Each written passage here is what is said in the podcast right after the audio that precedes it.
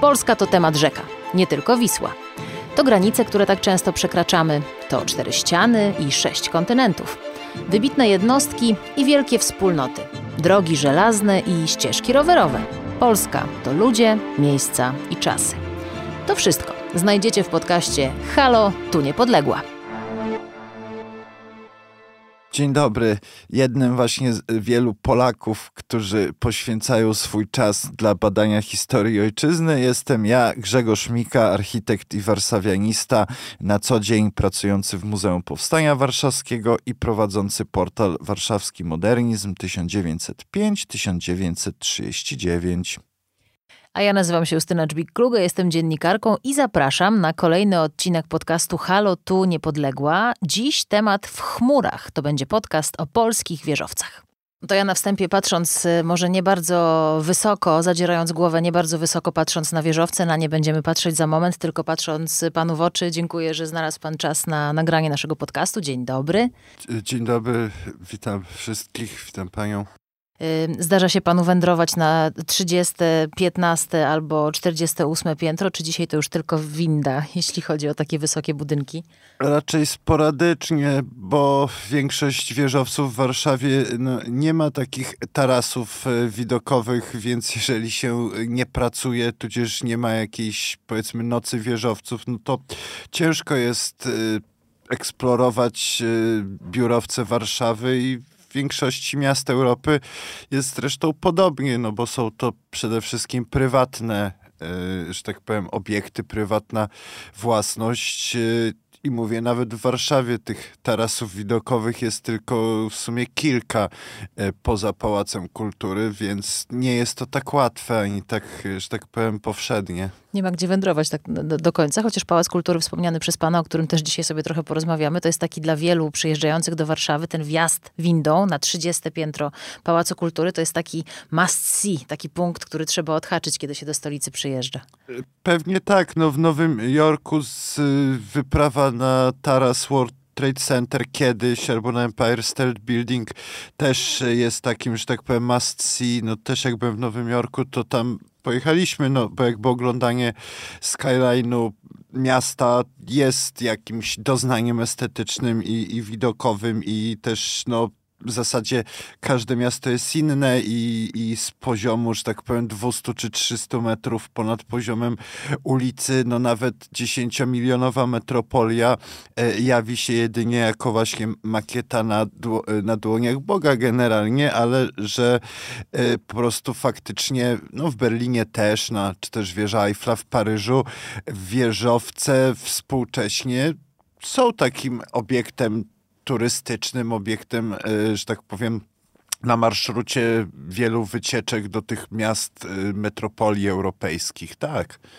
A z punktu widzenia architekta wieżowce są fascynujące, czy może nawet dosyć nudne w swojej przewidywalności, w tej strukturze, która musi być bardzo konkretna, żeby były wytrzymałe, żeby e, były też bezpieczne? Czy zarówno wieżowce, jak i w sumie każda mm, forma architektoniczna może być albo monotonna, albo ciekawa. Tu wiele zależy też po prostu od kunsztu twórcy, trochę od możliwości finansowych. No w zasadzie mówię, można zaprojektować bardzo, że tak powiem, nietypowe obiekty, takie można powiedzieć symboliczne. No z drugiej strony bardzo wiele współczesnych wieżowców to są takie bardzo proste obiekty, które po prostu wyzyskują grunt.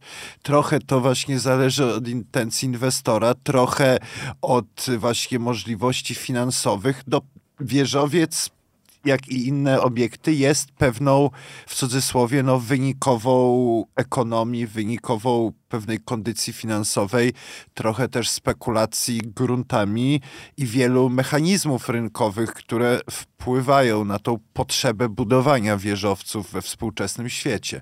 Pan użył takiego określenia niezwykle trafnego, wyzyskiwać grunt. To rzeczywiście jest tak, że dzięki wieżowcowi można wykorzystać ten kawałeczek ziemi, który mamy, a tych kawałeczków jest coraz mniej, one się przecież kurczą maksymalnie. Zastanawiam się, jak to było kiedyś. Zróbmy taką podróż w czasie, otwórzmy ten nasz wehikuł czasu, zajrzyjmy do, do dawniejszych lat, do początków tego typu budownictwa w Polsce. E, co by pan wskazał jako taki pierwszy polski wieżowiec? Kiedy trend w ogóle, czy jakieś Ojejku, zainteresowanie e... takimi budowlami się u nas pojawiło? Znaczy, to należałoby, że tak powiem, e, dokonać, czy stworzyć pewną dychotomię, bo z jednej strony jakby w cywilizacji ludzkiej, no nie tylko w Polsce, ale, że tak powiem, obiekty wysokościowe, czy też, że tak powiem, w ogóle jakby spoglądanie ku niebiosom było pewnym Od elementem wieków. też, powiedzmy, na pograniczu mistycyzmu. Jasne. I też dlatego nie powinno tak bardzo zaskakiwać, że kilka tysięcy lat temu powstawały piramidy, potem powstawały wieże świątyń, minarety, dzwonnice, wieże zamkowe, wieże pałacowe, ale generalnie ten, że tak powiem, element wertykalny był też w pewien sposób kojarzony z pewnymi, że tak powiem, elementami ponad, że tak powiem, ludzkimi, no właśnie, czy to, e, że tak powiem, władza e, boska, władza królewska, która była ponad zwykłymi śmiertelnikami. I stąd też, no, wielu królów, wielu cesarzy, Bóg wie kto, no, inwestowało w różne, że tak powiem, budynki, które pieły się w górę, niezależnie czy to była Bazylika Świętego Piotra, czy, czy wieże w San Gemignano. Natomiast już chcąc spojrzeć na to z perspektywy współczesnej, to w zasadzie Nasza polska historia wieżowców jest relatywnie e, krótka w porównaniu z powiedzmy historią rozwoju architektury i w porównaniu z faktem, że pierwsze wieżowce w Ameryce to są lata 80., 90. XIX wieku e, w Chicago, w Nowym Jorku, w tych wielkich metropoliach wschodniego wybrzeża, które generalnie bardzo dynamicznie intensywnie się rozwijały właśnie w końcu XIX wieku. I w zasadzie współczesne wieżowce i te wieżowce sprzed ponad stulecia łączy pewien wspólny mianownik, mianowicie y, grunt. Potrzeba budowania wzwyż została umożliwiona dzięki technologii, ale była powodowana koniecznością, aby na tych niedużych działkach, które tam wytyczano sobie w Nowym Jorku czy w jakimś y, Filadelfii, żeby no maksymalnie wyzyskać ten grunt. I tutaj wprowadzenie konstrukcji stalowych, nitowanych umożliwiło, że tak powiem, y, zerwanie pewnego ograniczenia co do grubości ścian i wysokości. No i w zasadzie współczesne wieżowce i te wieżowce sprzed 130-140 lat to jest w swojej takiej podstawowej zasadzie w zasadzie to samo. Mamy, mamy powtarzalne kondygnacje, albo i niepowtarzalne. Mamy pewną konstrukcję szkieletową, która umożliwia nam właśnie budowanie wzwyż no do tego mamy te kolejne piętra, które sobie wykorzystujemy, e, czy to na mieszkania, czy na biura. No i mamy ten element, że trzeba wykorzystywać dźwigi mechaniczne, windy, aby się poruszać w pionie.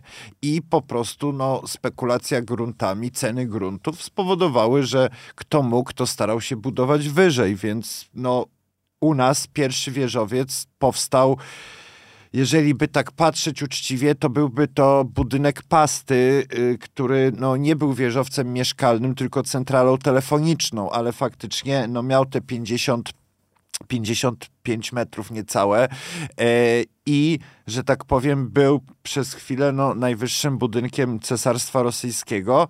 Potem, e, potem zaczęły go, że tak powiem, e, czy potem został zdominowany w ogóle przez jakby budownictwo mieszkaniowe.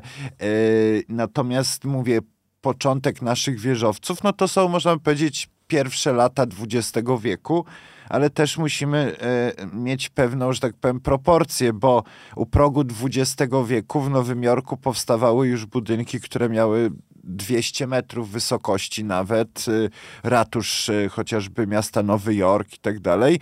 No a u nas w Europie przed II wojną światową najwyższy taki budynek mieszkalny w Antwerpii miał raptem 100 metrów wysokości i był to, no, był to budynek w ogóle jakby takiej też centrali telefonicznej budynek powiedzmy biurowo-techniczny e, i który też był, no można powiedzieć, takim symbolem e, wież, wieżowiec, który, mówię, wyróżniał się w panoramie miasta.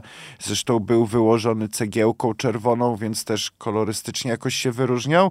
E, natomiast mówię, to był, że tak powiem, obiekt symbol, e, więc, więc to powiedzmy trochę bardziej nawiązywało do tych tradycji europejskich. Natomiast no, prawdziwy, że tak powiem, przyrost budownictwa i też w Polsce, no to jest okres dwudziestolecia międzywojennego, bo powiedzmy, że y, y, kamienice, które się nazywały niebotykami przed I wojną światową, no to nie były takie prawdziwe wieżowce, tylko po prostu były to dosyć wysokie kamienice z małymi podwórkami, nie miały takiego indywidualnego elementu wieżowego, mhm. który jakby wyróżnia tą architekturę.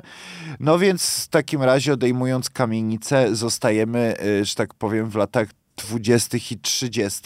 i w zasadzie, no mówię, ta y, polska droga, że tak powiem, y, ku wysokościom, no właśnie to jest ten krótki okres, no i potem lata po II wojnie światowej, chociaż też trzeba pamiętać, że no tło, podłoże tego było całkiem inne, no bo inne realia i tak dalej. I to jakby osobny temat sam w sobie. Natomiast, natomiast no, w Polsce w Polsce, zwłaszcza w tych dużych miastach, no, spekulacja gruntami e, i przyrost, rozwój miast no, nie był po prostu aż tak dramatyczny i tak że tak powiem, dynamiczny jak w Londynie, czy właśnie w Nowym Jorku, czy, czy powiedzmy w Paryżu. I w zasadzie ówczesne miasta europejskie no bardziej się rozlewały, że tak powiem, na zewnątrz niż, niż, do, góry. niż do góry. Natomiast no właśnie na, za oceanem, gdzie ten grunt miał większą wartość, no to tam miasta, że tak powiem, faktycznie zaczęły rosnąć coraz bardziej w górę. Zastanawiam się, jak to wygląda dzisiaj i jak to się zmieniało przez y, lata. Jakie kryteria musi spełniać budynek, żeby został nazwany wieżowcem? Czy jest taka oficjalna, inna być może architektoniczna nazwa, którą się wpisuje w papiery takich budynków, które powstają y, w różnych już teraz przecież polskich miastach? Zwróciły uwagę y, moją te niebotyki, o których pan wspomniał, ale to są takie, rozumiem, kilkupiętrowe kamienice bardziej niż kilkudziesięcio. No nie no, jakby kilku, góra powiedzmy dziesięciopiętrowe, tak jak y, przykłady warszawskie pokazują, to też nie są, że tak powiem, budynki tak spektakularne nawet pod względem wysokości, bo większość tych kamienic, które nazywano niebotykami, miała tak pomiędzy 35, góra 40 metrów wysokości. No ale dla porównania tą samą wysokość ma na przykład Grand Hotel przy ulicy Kruczej, czy Ministerstwo Komunikacji przy ulicy Chałubińskiego. Więc też tym bardziej nam to pokazuje, że, że tak powiem, w zależności od formy architektonicznej e, możemy uzyskać wieżowiec albo po prostu podwyższoną kamienicę. Te niebotyki to były no, podwyższone kamienice, które miały 6, 7, 8 pięter, miały windy, miały konstrukcje żelbetowe, jak przystało na, na nowoczesne budownictwo. Natomiast no, i różne ograniczenia techniczne i ograniczenia prawne i pewnie też, że tak powiem, zasobność portfela warszawskich bu- y, przedsiębiorców mhm, budowlanych. no po prostu nie była aż tak duża, żeby móc sobie pozwolić na wznoszenie wieżowców biurowych, y, y, które miałyby kilkanaście pięter wysokości. E, zwłaszcza, że no, Warszawa była gubernialnym miastem e, na prowincji Imperium Rosyjskiego, więc tym bardziej władze carskie nie były przychylnie nastawione do tego, żeby w najbardziej, że tak powiem, niepokornym mieście e, w Imperium powstawały budynki wyższe niż w stolicy cesarstwa. Stąd też, stąd też, że tak powiem, nasze miasto było traktowane trochę po macoszemu. E, to wrócę jeszcze do tego konkretu, a potem trochę o metafizyce, czyli mm, kryteria, które wieżowiec musi spełniać, żeby być wieżowcem. Kiedyś i dziś. Trochę pan o tym powiedział, no bo to jest kwestia też budowy, tak z czego on jest wykonany, pewnie tej wysokości pięter, pewnie tej konstrukcji na ziemi, którą zajmuje, choć yy, przypuszczam, że są inne znaczy, elementy. Czy w zasadzie tak, yy, patrząc na to, że tak powiem od ogółu do szczegółu, to w zasadzie podstawowym kryterium jest to, co jest zdefiniowane w warunkach technicznych, czyli w tak zwanym prawie budowlanym, czyli to, że budynek wysokościowy jest to obiekt, który ma powyżej 55 metrów wysokości. Czy ma kształt trójkąta, nie wiem, stożka, pryzmatu, to jest jakby już wtórne. Natomiast rzecz polega na tym, że po prostu z faktu, że dany budynek ma być obiektem wysokościowym, e, wynika cała, że tak powiem, yy, cała plejada obostrzeń i różnych, że tak powiem, wymogów technologicznych, sanitarnych, BHP, przeciwpożarowych, które po prostu trzeba zaprojektować, typu no właśnie y, klas, y, klasa betonu tudzież stali o odpowiedniej odporności ogniowej. No, yy, na przykład fakt, że powyżej 25 metrów wysokości balkony muszą być zaszklone, yy, najlepiej lodgie, yy, czy też na przykład fakt, że po prostu przy danej liczbie mieszkańców, no też trzeba na przykład zaprojektować odpowiednią liczbę dźwigów windowych, które też muszą, że tak powiem, się zmieścić na planie danego budynku, a wszystko to trzeba jakby właśnie upchnąć w jednej domkniętej formie, która nie wychodzi poza, że tak powiem, obrys parceli, więc. Mhm w pewnym sensie projektowanie y, wieżowców, mówię, no, zaczyna się od ogółu, a przechodzi potem właśnie w szczegóły. No i tak jak powiedziałem na wstępie, w zależności od tego, jak jest kunszt architekta, zasobność portfela, no, rozmiar działki, czy też dopuszczalne wysokości wynikające z y, planów miejscowych, no to te wszystkie elementy są, że tak powiem, takimi wyznacznikami dla architekta. No, co może, czego nie może, jakie inwestor ma oczekiwania, no właśnie ile metrów powierzchni użytkowej oczekuje z każdego piętra, no to są takie kryteria, które są potem, że tak powiem, właśnie yy, przeobrażane już w konkretne wymiary powierzchnie i ilości yy, w projekcie budowlanym, no i potem wykonawczym. Jasne. Za ten konkret bardzo dziękuję, bo to pozwala nam sobie wyobrazić e, e, skalę też i, i wyzwania stojące za e, tworzeniem, tak jak pan powiedział, budynków wysokościowych, czy obiektów wysokościowych, czyli wieżowców, jak mówimy tak bardzo kolokwialnie. A teraz trochę o tej symbolice. Na ile wieżowce w historii Polski, różne, kiedy już były budowane, stały się taką emanacją władzy państwowej albo prywatnych właścicieli, które je budowały, na ile one mogą, czy pokazują czyjąś władzę, czyjś wpływ, czyjeś bogactwo? Jak pan patrzy na nie z tego punktu widzenia? Czy gdyby, gdyby skupić się tylko na e, drugiej Rzeczypospolitej, która była ustrojem, gdzie jakby też funkcjonowała gospodarka rynkowa, więc też istnieli prywatni przedsiębiorcy, osoby zamożne, czy też instytucje finansowe, to z tej perspektywy w drugiej RP paradoksalnie większość budynków wysokościowych to były inwestycje instytucji finansowych, czy to komunalnych kas oszczędności, czy towarzystw ubezpieczeniowych, czy też na przykład y, y, instytucji bankowych typu Bank Polski, y, czy też, y, y, czy też sporadycznie były to na przykład domy mieszkalne dla pracowników danej instytucji zamożnej. Natomiast no, ewidentnie poszczególne realizacje były dosyć mocno powiązane z konkretnymi inwestycjami. I tutaj chociażby najbardziej znany warszawski przykład Prudentialu będzie, że tak powiem, doskonałym przy przykładem, bo obiekt powstał za pieniądze i na zlecenie prywatnego brytyjskiego towarzystwa ubezpieczeniowego, które tutaj w Polsce e, robiło dosyć duże, e, dosyć duże interesy i zresztą w zarządzie tego towarzystwa zasiadało e, kilku byłych tam wiceprezydentów Warszawy. Niemniej jednak inwestycja właśnie dla instytucji finansowej. W Krakowie i w Katowicach, które były takimi dwoma że tak powiem, równolegle funkcjonującymi obok Warszawy ośrodkami tego nowego budownictwa. Te nieliczne wieżowce, które znamy, to są znowuż właśnie na przykład y, y, dom Izby Skarbowej w Katowicach, więc biurowiec z częścią mieszkalną.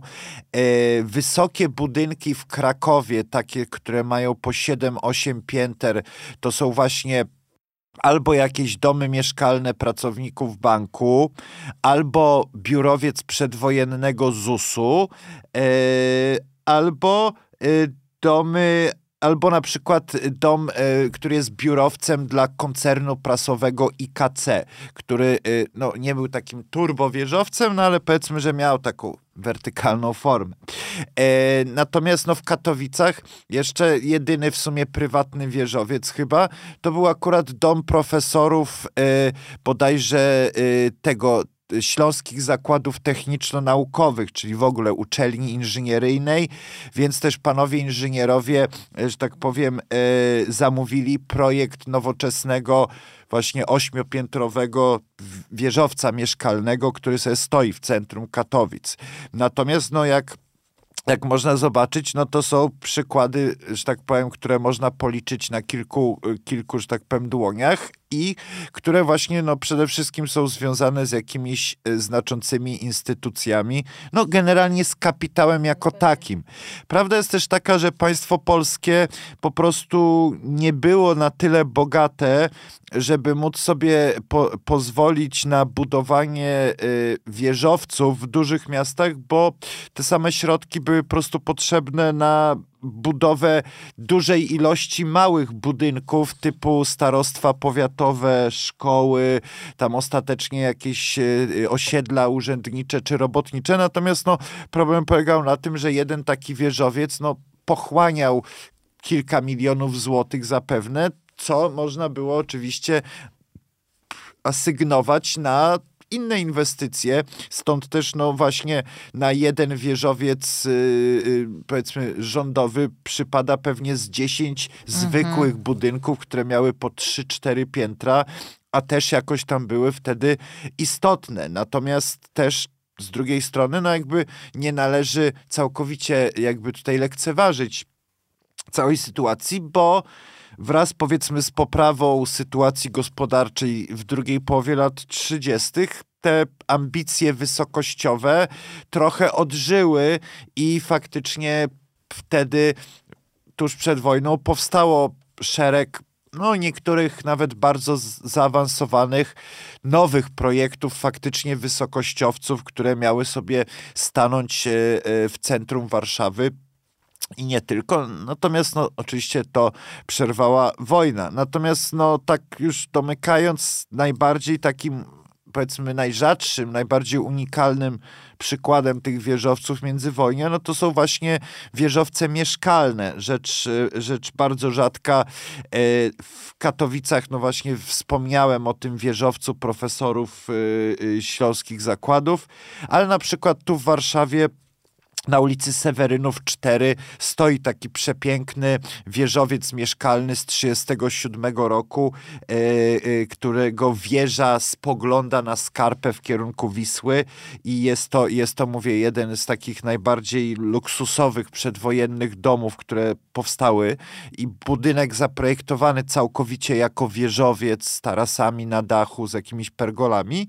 Natomiast prawda jest taka, że on ma 7 pięter, więc e, dzięki swojemu ukształtowaniu i bryle wygląda jak wieżowiec, natomiast no, ma tyle samo wysokości, co sąsiednie kamienice, które tworzą jedną zwartą pierzeję, ale to jest też kwestia ekspozycji budynków i całkiem osobny jeszcze, że tak powiem, rozdział dotyczący tego, jak ogląda się wieżowce.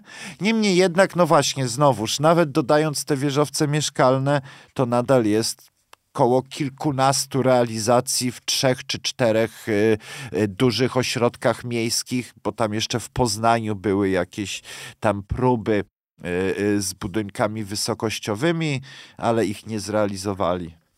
E, zwraca moją uwagę to, co pan powiedział na początku, że już historycznie wieżowce to były e, takie budynki, które wiązały się z firmami inwestycyjnymi, z firmami, które mają pieniądze. Przecież teraz też e, to są często budynki z logotypami banków czy towarzystw ubezpieczeniowych. To akurat się przez lata chyba nie zmienia. Zastanawiam się natomiast, czy mm, są w historii takie postaci, E, postaci ze świata architektury, które można uznać za takich prekursorów budowania wieżowców w Polsce. Tacy architekci czy projektanci, dla których e, sięganie wysoko było pewną ambicją czy ciekawością ich, ich działań zawodowych. Yy, znaczy, powiem tak, no, gdyby, gdyby spojrzeć jakby na skalę świata i Europy, to oczywiście są tacy pionierzy jak Louis Sullivan, twórca szkoły chicagowskiej.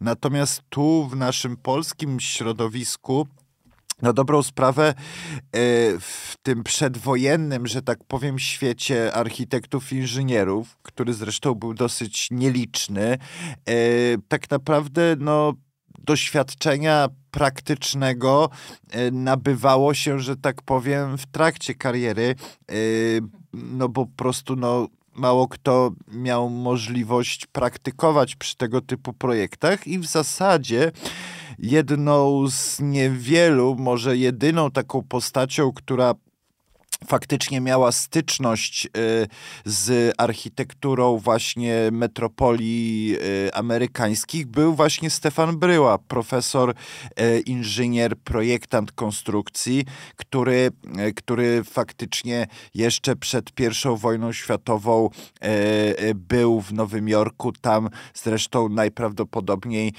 pracował w biurze konstrukcyjnym, które się zajmowało budową jednego z wieżowców, takiego Woolworth Building e, i tam też pracując zdobył, e, zdobył doświadczenie właśnie w konstrukcjach stalowych, które było, można powiedzieć, nie do przecenienia, bo w Polsce w tamtym czasie nadal budowało się przede wszystkim z cegieł, z drewna, a jeżeli nowe, to przede wszystkim z betonu, który może był zbrojony. Natomiast y, budownictwo stalowe, ze względu na niedorozwinięcie przemysłu hutniczego, było zawsze, że tak powiem, e, mniejszościowym udziałowcem e, przemysłu budowlanego i też przez to ceny konstrukcji stalowych y, były znacząco droższe, a tak jak wspomniałem, stalówka była no, tą podstawą, żeby móc pokonywać rozpiętości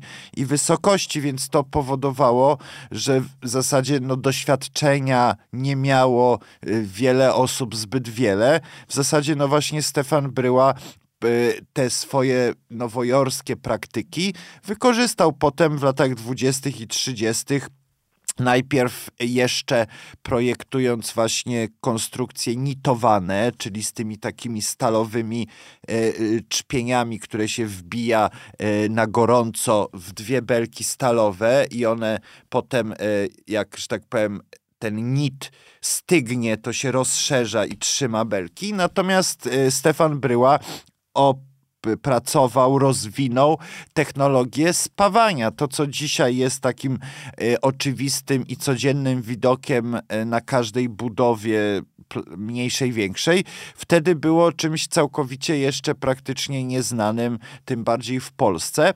I no właśnie e, Bryła jako pierwszy zaprojektował most stalowy w konstrukcji takiej kratownicy, który właśnie był spawany i ten most, co prawda miał tylko 27 metrów i to, że tak powiem, leżąc, ale technologia właśnie robienia stalowej kratownicy z różnymi przegubami i spawania tej kratownicy była dokładnie tym samym, co potem wieżowce. No i tak już się szczęśliwie złożyło, że potem w latach właśnie e, końcu lat dwudziestych i na początku lat trzydziestych Bryła był jednym z no naprawdę właśnie bardzo nielicznej grupy architektów i inżynierów, którzy mieli doświadczenie e, teoretyczne i praktyczne właśnie w tego typu budownictwie wysokościowym. No tam jeszcze parę nazwisk by się znalazło, natomiast fakt jest faktem, że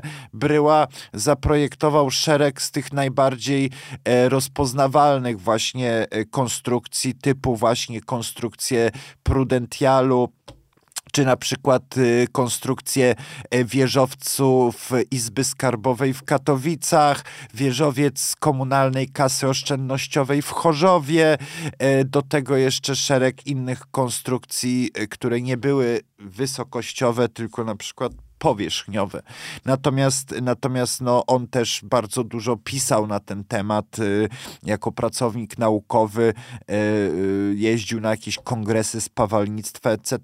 No, generalnie dokonywał dyseminacji wiedzy i faktycznie tam e, w latach 30. późnych i ta technologia spawalnictwa się, że tak powiem, rozprzestrzeniła w budownictwie i też sam Bryła miał, e, miał już e, coraz więcej zleceń, bo tak jak wspomniałem, pojawiały się e, tuż przed wojną czasami, e, czasami nazbyt futurystyczne, czasami realistyczne, ale coraz liczniejsze projekty właśnie wieżowców, budynków wysokościowych, głównie w Warszawie. No właśnie, a co o tym wiemy? Bo powiedział Pan o tym, że lata 30. to już e, są pomysły futurystyczne mniej lub bardziej, wieżowce, które mogły stanąć, no ale nie stanęły ze względu na, na wojnę, która się wtedy rozpoczęła. Były takie, i wiemy o tym, ciekawe projekty, które już rozłożone gdzieś tam na tych deskach e, e, kreślarskich czy deskach architektów czekały na szybką realizację, ale to się nie udało z powodu wydarzeń historycznych. E, gdyby tak spojrzeć na, mm, że tak powiem, oś czasu lat 30., to mm, w zasadzie okres takiej koniunktury ekonomicznej to był bardzo krótki czas, powiedzmy od 34 do 39 roku. E, I też tak właśnie koniunktura ekonomiczna, no i też ogólna e, sytuacja gospodarcza państwa wpływała na to, że niektóre projekty realizacyjne, czy też projekty różnych inwestycji reprezentacyjnych były na przykład przesuwane w czasie, czy też na przykład no, e, był skończony projekt, no, ale na przykład nie było budżetu na realizację, więc ten projekt musiał czekać. No i właśnie tutaj tenże profesor Bryła, e, podobnie jak kilku innych architektów e, e, typu Rudolf Świerczyński na przykład, czy typu profesor Pniewski, czy na przykład profesor Przybylski, miało na deskach swoich pracowni zlecenia na konkretne budynki wysokościowe.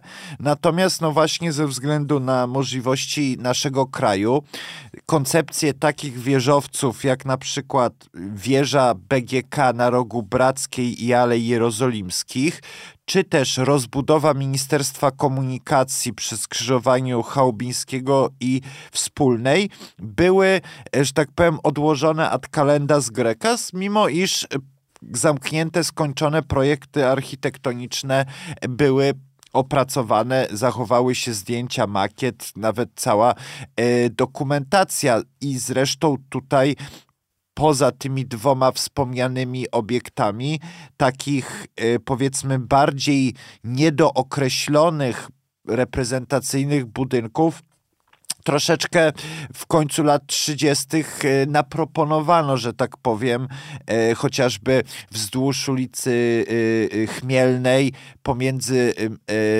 dzisiejszym jakby dworcem Śródmieście, a dzisiejszą mniej więcej ulicą Chałubińskiego miały na przykład stanąć wieżowce biur kolejowych, które miały mieć plan takiego krzyża i takie trzy wieżowce miały stanąć z tyłu dworca głównego.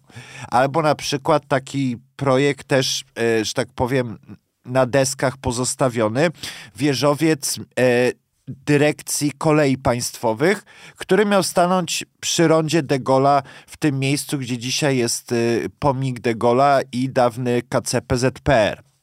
Na przykład taka, taka, e, taka e, koncepcja. Ale na przykład też rzecz, którą odkryłem e, w archiwach i, i, i nikt o tym przedtem nie wiedział. Na przykład na rogu Alei Niepodległości i Racławickiej, czyli przy metrze Racławicka, powstał projekt 11-piętrowego wieżowca mieszkalnego, którego autorem był taki trochę zapomniany przez większość architekt pan Zygmunt Konrad. E, no i ja odnalazłem w archiwum właśnie projekt tego wieżowca, no właśnie w narożniku, taka jedenastopiętrowa wieża. Natomiast co się okazało, że samo miasto nie zaakceptowało tego projektu, e, tej części wieżowej, bo bardziej im zależało na kontynuowaniu tam sześciopiętrowej Pierzej Alei Niepodległości. No ale że wieżowiec został skreślony. Natomiast no mówię, nawet z tego, co tu wymieniłem, mamy... Piękne plany. Mamy jakąś grupę właśnie mhm. budynków powiedzmy quasi reprezentacyjnych, no ale z drugiej strony mamy te właśnie względy finansowe, e, że no większość z nich to były właśnie publiczne instytucje, inwestycje, publiczne przedsięwzięcia z budżetu, czy też ze składek, no ewentualnie z kredytów bankowych, no ale te też przecież no, nie były nieskończenie duże. Ograniczone, no pewnie nie były nieograniczone. To jak w tym, o czym mówimy, mm, jakie miejsce zajmuje, i teraz uwaga, pojawia się cały ubrany na biało Pałac Kultury i Nauki. To jest taki symbol Warszawy dla wielu bardzo ważny. Można go sklasyfikować, rozumiem, według pańskiej kategoryzacji do tego, że to jest wieżowiec. Jest tak najbardziej wieżowiec, no jakby no właśnie. Nie pytam oczywiście o, mm, o jego, mm, o to, czy on powinien być, czy nie, bo swego czasu mieliśmy taką dyskusję, chociaż nawet nie wiem, czy ona cały czas gdzieś tam w różnych e, kręgach nie trwa. E, czy on powinien zostać w panoramie Warszawy, czy niekoniecznie. Na pewno e, jest symbolem różnych rzeczy przez różne lata. Być może to się trochę zmieniało. Jak pan na niego patrzy jako architekt i warszawianista na Pałac Kultury i Nauki? Znaczy, Powiem tak, no y, faktycznie Pałac Kultury jakby wywołuje bardzo wiele pejoratywnych skojarzeń natomiast też e, stety, niestety osoby, które jakby e, najbardziej postulują jego wyburzanie, no też, nie wiem, trochę, że tak powiem, w takiej błogiej nieświadomości jakby też nie oferują żadnej odpowiedzi na taką refleksję, no jakby co tak naprawdę miałoby stanąć w miejscu pałacu, czy to po prostu będą kolejne wieżowce, a dwa, no co zrobić z tymi wszystkimi instytucjami i, e, i funkcjami, które są, że tak powiem, wypełniane we wnętrzach wieżowca. Pałac Młodzieży, teatry, kina, muzea. E, basen. E, no basen, archiwum miejskie, mnóstwo. I jakby, jeżeli nie chcielibyśmy uprawiać takiej, że tak powiem, polityki historycznej, no to przyjmujemy, że tak powiem, tak jak y, w innych miastach wschodniej Europy też są takie stalinowskie wieżowce. Natomiast prawda jest też taka, że architektura Pałacu Kultury jego forma i też jego funkcja, to jest bardzo specyficzny konglomerat i jedynie y, taka zła wola, e, czy też ignorancja historyczna jakby powoduje tym, że bardzo wiele ludzi mówi, że to jest taki sztuczny twór, e, że tak powiem, radziecki, co jest całkowicie nieprawdą, bo zespół architektów, którzy faktycznie byli z Moskwy, e, tam Lew Rudniew to był jeden z takich wtedy najbardziej uznanych radzieckich architektów, taki, taki faktycznie, że tak powiem, pomnikowy twórca. I chodzi o to, że on przyjechał z tym swoim zespołem do Warszawy i oni przez ponad dwa tygodnie y, robili taki objazd naukowy po Polsce, dosłownie od Gdańska i Gdyni aż po Kraków, Wieliczkę, y, Lublin, Baranów Sandomierski, Zamość, y, Kazimierz Dolny, Toruń, Nieszawa. Odwiedzili oni właśnie kilkanaście miast. Dostali też takie bardzo bogato ilustrowane atlasy poświęcone historii polskiej architektury atlasy czy albumy, które ponoć tam współredagował Jan Zachwatowicz. I chodzi o to, że zewnętrzna forma tego budynku tak naprawdę jest bardzo bliska i pokrewna wieżowcom i tej szkoły chicagowskiej z przełomu stuleci i epoki Art Deco właśnie lat 20., lat 30., znowuż za oceanem, kiedy powstawały właśnie takie luksusowe, kamienne, e, że tak powiem, e, giganty. Natomiast problem polega po prostu na e, aspekcie ideologicznym, który jest powiązany z Pałacem Kultury, bo właśnie był to ten prezent związany Związku Radzieckiego, który no właśnie z zewnątrz wyglądał jak cała reszta architektury stalinowskiej, no bo miał te różne eklektyczne detale, tylko mówię, nie były one przypadkowe, a poza tym, no właśnie pałac nie został zaprojektowany li tylko jako po prostu taka wieża biurowa, tylko jednak jako takie coś, co pierwotnie w ogóle nazywało się Centralnym Domem Ludowym, czy tam Centralnym Domem Robotnika.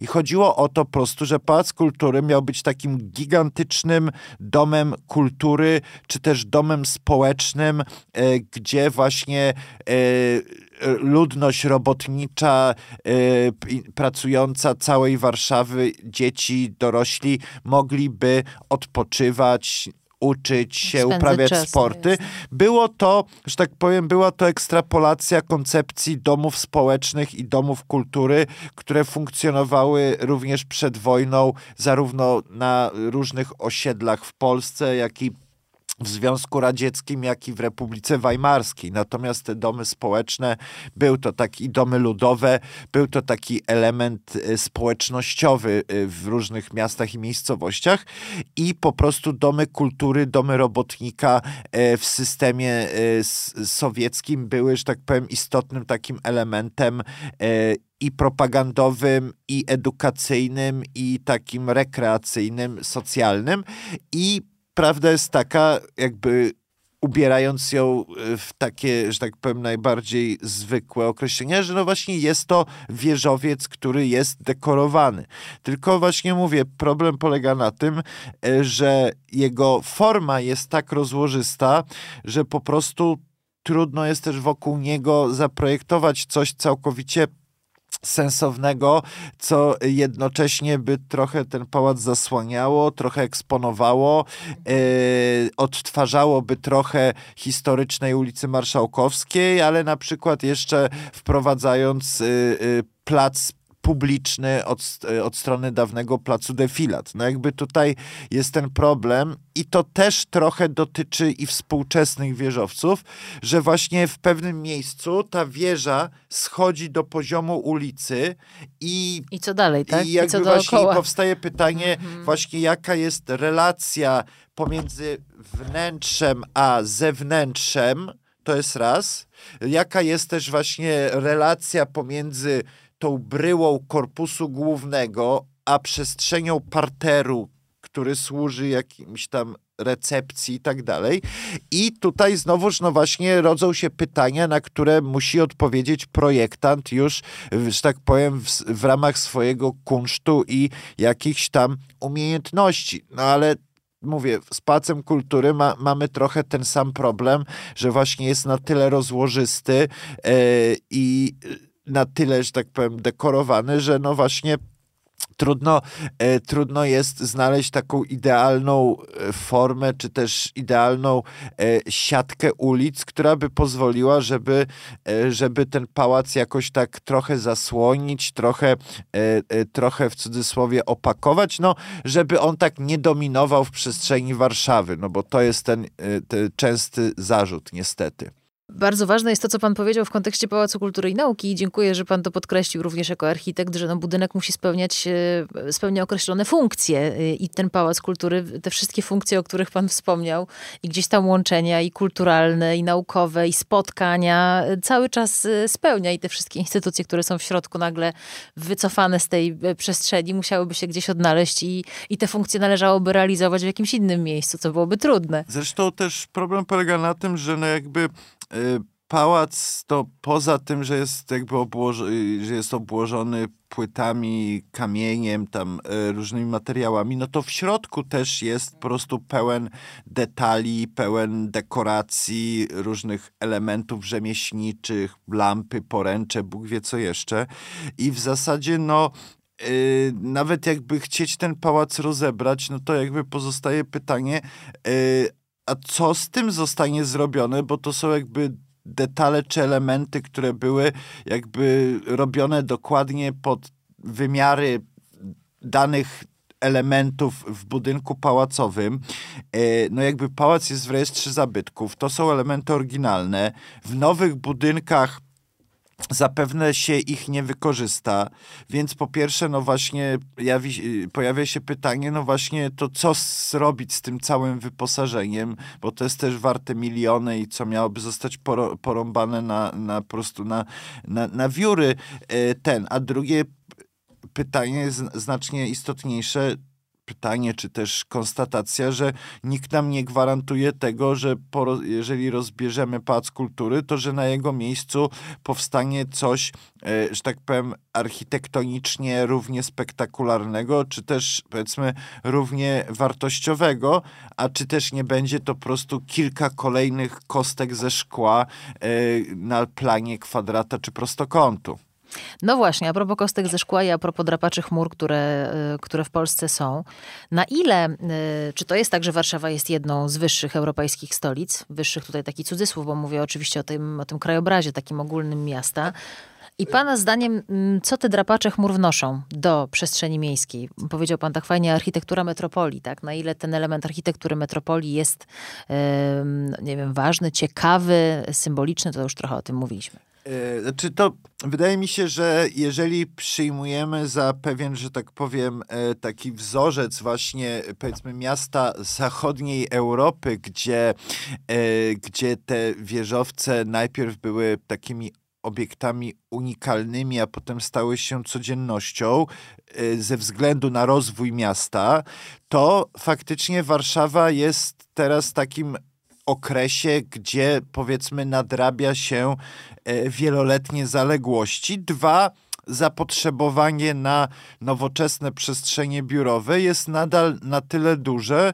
że budowa wieżowców jest nadal powiedzmy opłacalna.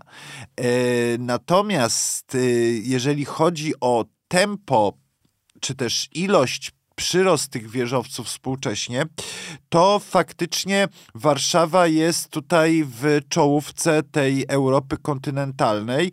E, także no, ze względu na to, po pierwsze, że przez kilkadziesiąt lat PRL-u tych wieżowców było tylko kilka i nie jest to wysoka jakość e, powierzchni biurowych a biurowców za to zaczęło e, nam przybywać. No też u nas ceny gruntu zaczęły grać rolę, a w PRL-u tego nie było. I druga rzecz też jest taka, że w niektórych miastach europejskich wprowadza się takie strefy ograniczeń wysokościowych, jak na przykład w Berlinie, gdzie jakby e, poza Potsdamer Platz, e, gdzie stoją trzy 100-metrowe wieżowce, poza Potsdamer Platz w tym ścisłym historycznym centrum nie można już budować takich wysokościowców. W centrum Paryża też jest to ograniczone. E, jest ta dzielnica e, La Défense, która jest kilka kilometrów od centrum i jest ona taką monokulturą biurową, co też stworzyło osobne problemy, ale to już pomińmy. E, w miastach amerykańskich budowanie wieżowców nadal jest pewną podstawową formą wykorzystania gruntu w centrach miast i to w Nowym Jorku nadal bije się właśnie rekordy stosunku y, powierzchni piętra do, że tak powiem, wysokości obiektu, czy też nawet rekordy cen mieszkań, typu, y, typu że płaci się 30-40 tysięcy dolarów za metr kwadratowy e, e, z widokiem na Central Park. E, natomiast, i zresztą, przepraszam, i podobnie nadal jest w innych dużych miastach amerykańskich. Natomiast u nas sądzę, że po prostu jeszcze nie doszliśmy do takiej sytuacji przesytu ilością tej przestrzeni biurowej. Dwa, że Warszawa jako ośrodek pracy biurowej nadal no jest w stanie jeszcze e, absorbować z kilkadziesiąt tysięcy pracowników, więc jest nadal, że tak powiem, popyt na budownictwo wysokościowe. warto zauważyć tą tendencję, że Mordor zamieniany jest w dzielnicę mix use, gdzie są też właśnie mieszkania, handel, e, a nie buduje się nowych biurowców ale tam jest tylko niska zabudowa, a tu w centrum, właśnie w okolicach Ronda ONZ, Ronda Daszyńskiego, e, pomiędzy Rondem Zawisza, dawnym Kercelakiem, powstaje no, biurowe, biurowe centrum naszego miasta właśnie wzdłuż Okopowej, Towarowej, e, przy Prostej e, i, i tam nadal też jest jeszcze trochę pustych parcel i nadal jest kilka też projektów, które e, czekają na realizację, natomiast faktycznie w porównaniu z miastami tutaj centralnej czy środkowej Europy, to Warszawa nadal, że tak powiem, jest w czołówce tego wyścigu wysokościowego. A co powie architekt? Sięgajmy wysoko, czy sięgajmy daleko? Powiem tak, no. E, sięgajmy rozsądnie, e, bo problem polega na tym, że mm, jakie są alternatywy? Możemy budować wzwyż albo wszerz i możemy budować wieże mieszkalne, dogęszczać zabudowę w centrum miast, albo możemy borykać się z problemem urban sprawl i tego rozlewania się przedmieści. To jest raz. Tak samo jest z biurowcami. Można mieć ten cały Mordor, który jest dywanem powierzchni kilku kilometrów kwadratowych i każdy biurowiec ma tam sześć albo osiem pięter albo możemy te 6 czy 8 biurowców zestakować w jednej potężnej wieży przy rondzie ONZ, gdzie wszyscy zaczną dojeżdżać metrem, a nie samochodami, gdzie jest pięć linii tramwajowych zamiast jednej e, i gdzie po prostu nie ma gehenny z wyjeżdżaniem z garaży i parkingów. I więc mówię, tutaj trzeba sobie odpowiedzieć na właśnie zasadnicze pytanie, e, w w jaki sposób chcemy to miasto rozbudowywać, bo jeżeli tylko wszerz, to faktycznie możemy y, wprowadzić ograniczenia wysokościowe, y, no, masę różnych, że tak powiem, obostrzeń urbanistycznych, no ale kosztem tego będzie fakt, że to miasto i tak, i tak będzie się e, rozwijać i, że tak powiem, e, właśnie rozlewać na coraz dalszych przedmieściach, e, a to jest, że tak powiem, pewnym błędem urbanistycznym, z którym też w Ameryce, w Ameryce musieli się, że tak powiem, zmierzyć urbaniści. No właśnie ten urban sprawl niekontrolowany i dwa, to i to też była przy skrajność, że budowa bardzo dużej liczby wieżowców w centrach miast doprowadzała do tego, że bardzo duża część śródmiejskiej zabudowy była likwidowana pod parkingi na poziomie gruntu. I niestety po prostu wiele centrów miast amerykańskich, a żyłem też takim jednym, wygląda tak, że po prostu mamy te kilkanaście wieżowców biurowych, jeden wieżowiec federalny, gdzie są urzędy państwowe, natomiast pomiędzy nimi są dziesiątki placów parkingowych albo budynków parkingowych. I problem jest ten sam, że po 18 centrum miasta jest y, y, y, pustoszeje, jest prawie całkowicie pusto na ulicach i e, mówię, w Nowym Jorku e, ten problem tam jakoś zwalczają w tych dużych miastach, ale na przykład w takich mniejszych miejscowościach, e, tak jak tam, gdzie ja mieszkałem w stanie Indiana, no to ten problem martwych centrów istnieje i też możemy się z niego sporo nauczyć tu na, do wykorzystania na e, polskim podwórku. To ja wężykiem podpisuję to. Sięgajmy rozsądnie, bo to rzeczywiście dobre, e, dobre e, podsumowanie tego, o czym dzisiaj rozmawialiśmy. Bardzo dziękuję panie Grzegorzu za pański czas i za ogromną wiedzę. Nie wiem, czy do zobaczenia na 30 piętrze, może być do zobaczenia e, na dole z głową w chmurach. Czy to patrzącą na piramidę, czy patrzącą na któryś z wieżowców w Warszawie. Do usłyszenia. Dziękuję bardzo, do widzenia. Słuchaliście podcastu Halo, tu Niepodległa, przygotowanego przez Biuro Niepodległa i wyprodukowanego przez New Homers. Rozmowę poprowadziła Justyna Dżbik-Kluge, czyli ja. Fajnie, że byliście z nami. Bo Polska to historia, którą warto się dzielić.